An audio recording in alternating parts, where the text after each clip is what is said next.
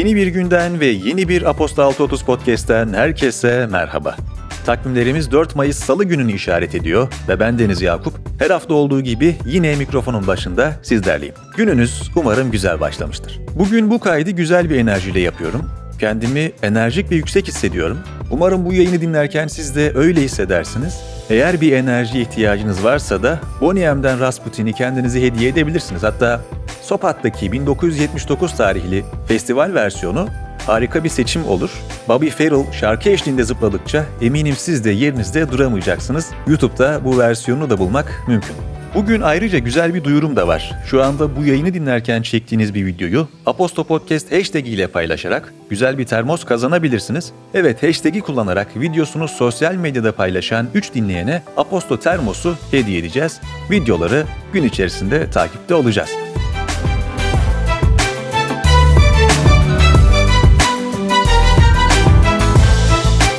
Son olarak şu anda dinlediğiniz bülten Algoritmix'in destekleriyle ulaşıyor. Çocuklar için Uluslararası Matematik ve Programlama Okulu Algoritmix, Aposto okurlarına özel %20 indirim fırsatı sunuyor. Ayrıntılar bültende. Bu girişten sonra sözü daha fazla uzatmadan sizi gündemle baş başa bırakıyor ve detaylara geçiyorum. Keyifli dinlemeler. Covid-19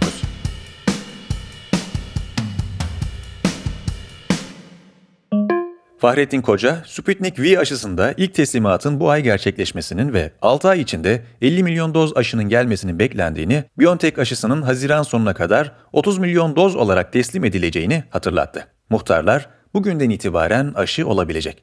3 Mayıs'ın COVID-19 verileri ise şöyleydi. Yeni vaka sayısı 24.733, iyileşen hasta sayısı 35.438. Günün hikayesi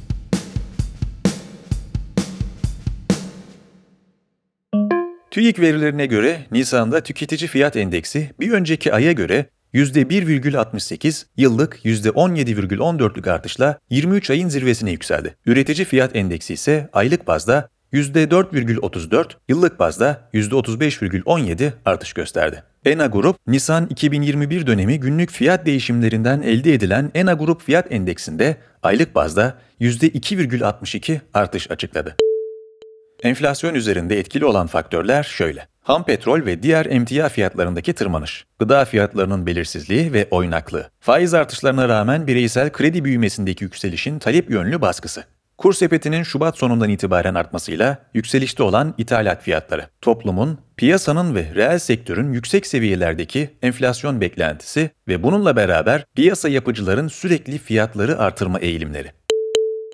Yorumlar ve beklentilerse şöyle. Analist Onur Altın, geçen ay 15,01 puan olan TÜFE ve ÜFE arasındaki makas farkının bu ay 18,03'e çıkması önümüzdeki dönemde kısa vadede enflasyonun düşmeyeceğini göstermekte diyor. Ekonomist Haluk Bürümcekçi, TL değer kaybının daha fazla yükselmediği durumda bile enflasyonun uzun bir süre yüksek seyretmesi ve yılı en iyi ihtimalle %14-15 aralığında bitirmesi beklenebilir yorumunda bulunuyor. Ekonomist Hakan Kara ise kur veya emtia fiyatları düşmezse Temmuz'dan itibaren tüfe enflasyonu üfeye doğru yaklaşabilir yorumunda bulunuyor.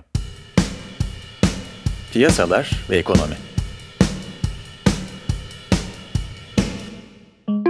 AB ve Hindistan ekonomik ilişkilerini derinleştirmek ve Çin'in yükselişiyle rekabet etmek için uzun zamandır durdurulan kapsamlı ticaret anlaşması görüşmelerini yeniden başlatmaya hazırlanıyor. Cumartesi günü gerçekleştirilecek çevrim içi AB-Hindistan zirvesinde görüşmelerin yeniden başlatılacağının açıklanması bekleniyor.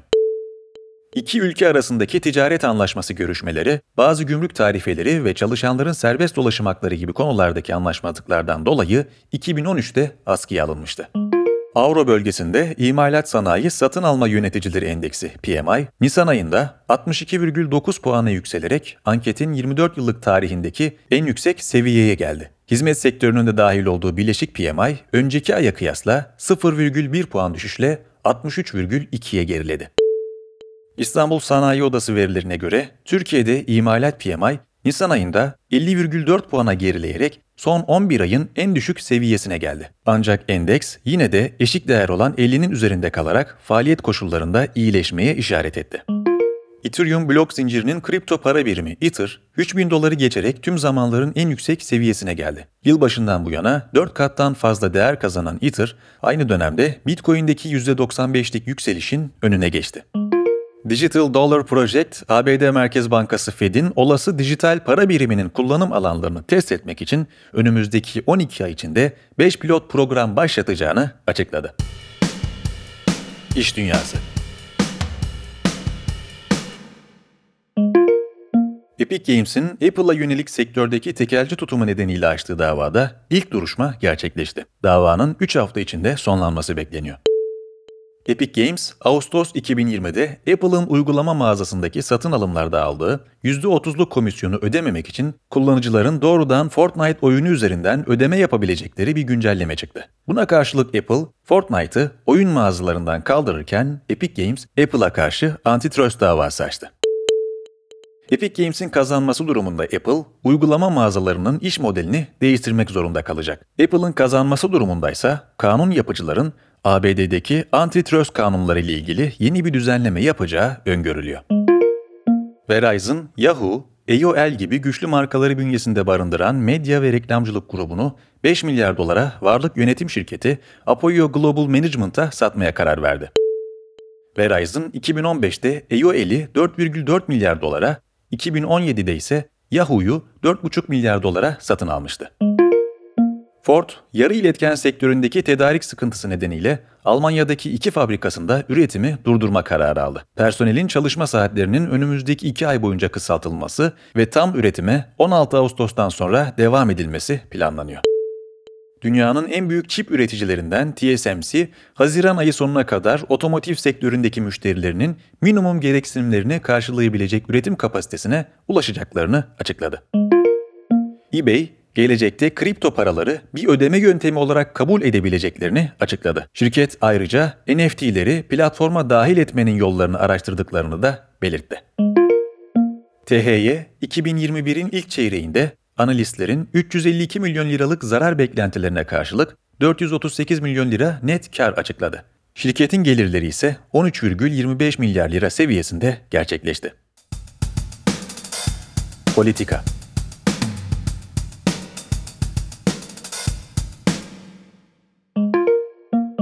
Gaziantep'te bir camide Ramazan ayının son 10 gününde gerçekleştirilen itikaf ibadetini gerçekleştirmek isteyen bir gruba polis pandemi önlemleri gerekçesiyle biber gazıyla müdahale etti. Furkan Vakfı kurucusu Alparslan Kuytul, itikafı yapacağız, buyursunlar, engel olsunlar açıklamasında bulunmuştu. Vakıf, maske ve mesafe kurallarına uyulmasına ve bu konuda bir kısıtlama kararı bulunmamasına rağmen postallarıyla camiye giren polislerin biber gazlı müdahalede bulunarak 50'den fazla kişiyi gözaltına aldığını açıkladı. Gözaltına alınanlar gün içinde serbest bırakıldı. Diyanet İşleri Başkanlığı'nın itikaf ibadetinin evlerde yapılması tavsiyesini hatırlatan Gaziantep Valiliği, provokasyon yapan kişiler daha önce haklarında terör soruşturması yapılan Alparslan Kuytul yandaşlarıdır ve amaçları ibadet değil, sivil itaatsizliktir açıklamasında bulundu. Camide biber gazı kullanan personel ise açığa alındı. EGM'nin toplumsal olaylarda görüntü alınmasını yasaklayan genelgesi, Ankara, Denizli, Mersin, Adana ve Diyarbakır baroları tarafından hukuka aykırı olduğu gerekçesiyle Danıştay'a taşındı. CHP'de genelgenin iptali için dava açtı. Genelgeye gerekçe olarak özel hayatın gizliliği ve polislerin görevini yapmalarının engellenmesi gösterilmişti. CHP, tam kapanma boyunca alkol satışını yasaklayan kararlara yalnızca Çanakkale ve Eskişehir belediyelerinin rutin işlem düşüncesiyle onay verdiğini açıkladı. Çanakkale Belediye Başkanı Ülgür Gökhan, İl Hıfzı Sıhha Kurulu kararındaki imzasını çekeceğini duyurdu. İl Hıfzı Sıhha Kurulları kararıyla alkol satışı yasağına CHP'li belediyelerinde onay verdiği açıklanmıştı. Anthony Blinken, Çin'i son yıllarda dış politikada daha saldırgan, ülke içinde de daha baskıcı olmakla suçladı. ABD Dışişleri Bakanı Blinken, ABD ve Çin ordularının karşı karşıya gelmelerinin ise iki ülkenin de çıkarlarına ters düşeceğini ifade etti. Suriye'de Anayasa Mahkemesi 26 Mayıs'ta yapılacak devlet başkanlığı seçimleri için 51 adaydan 3'ünün başvurusunu kabul etti. Yönetimdeki Beşar Esad'ın yanı sıra eski devlet bakanı Abdullah Sallum Abdullah'ın ve küçük bir muhalif partinin lideri Mahmut Mari'nin adaylık başvuruları kabul edildi. Teknoloji ve Startup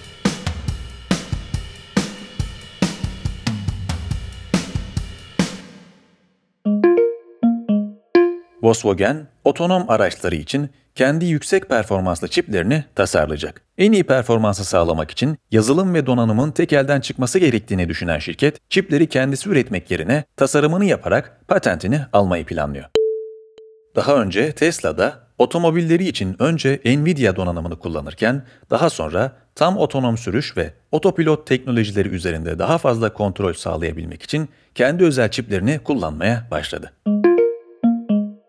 Twitter, 600'den fazla takipçisi olan kullanıcılarının Spaces'ta sesli sohbet etkinlikleri oluşturabileceğini duyurdu. Twitter, ileride bilet özelliğiyle kullanıcıların Spaces'tan gelir elde etmesini sağlamayı planlıyor. Clubhouse, Android uygulamasının beta sürümünü bazı kullanıcılarla test etmeye başladığını duyurdu. Sony, Discord ve PlayStation deneyimlerini konsol ve mobil cihazlarda bir araya getirme hedefiyle Discord'la işbirliği yaptı. Spor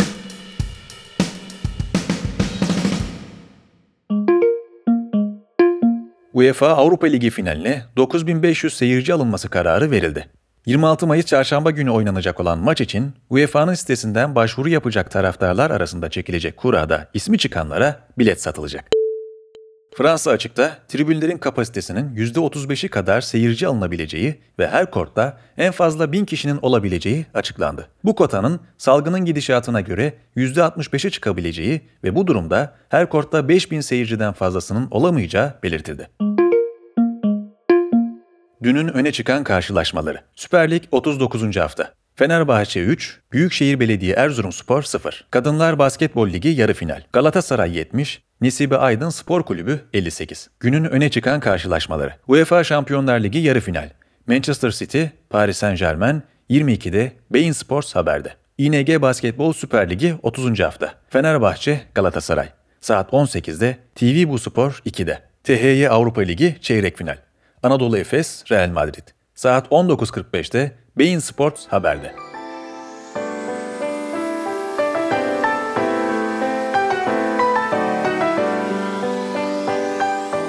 Bir yayının daha sonuna geldik. Ben Yakup. Gündemin öne çıkan detaylarını sizlerle paylaştım. Haftanız ve günleriniz sağlıklı, keyifli ve dilediğiniz gibi geçsin. Tekrar görüşünceye dek hoşçakalın. Sevgiler.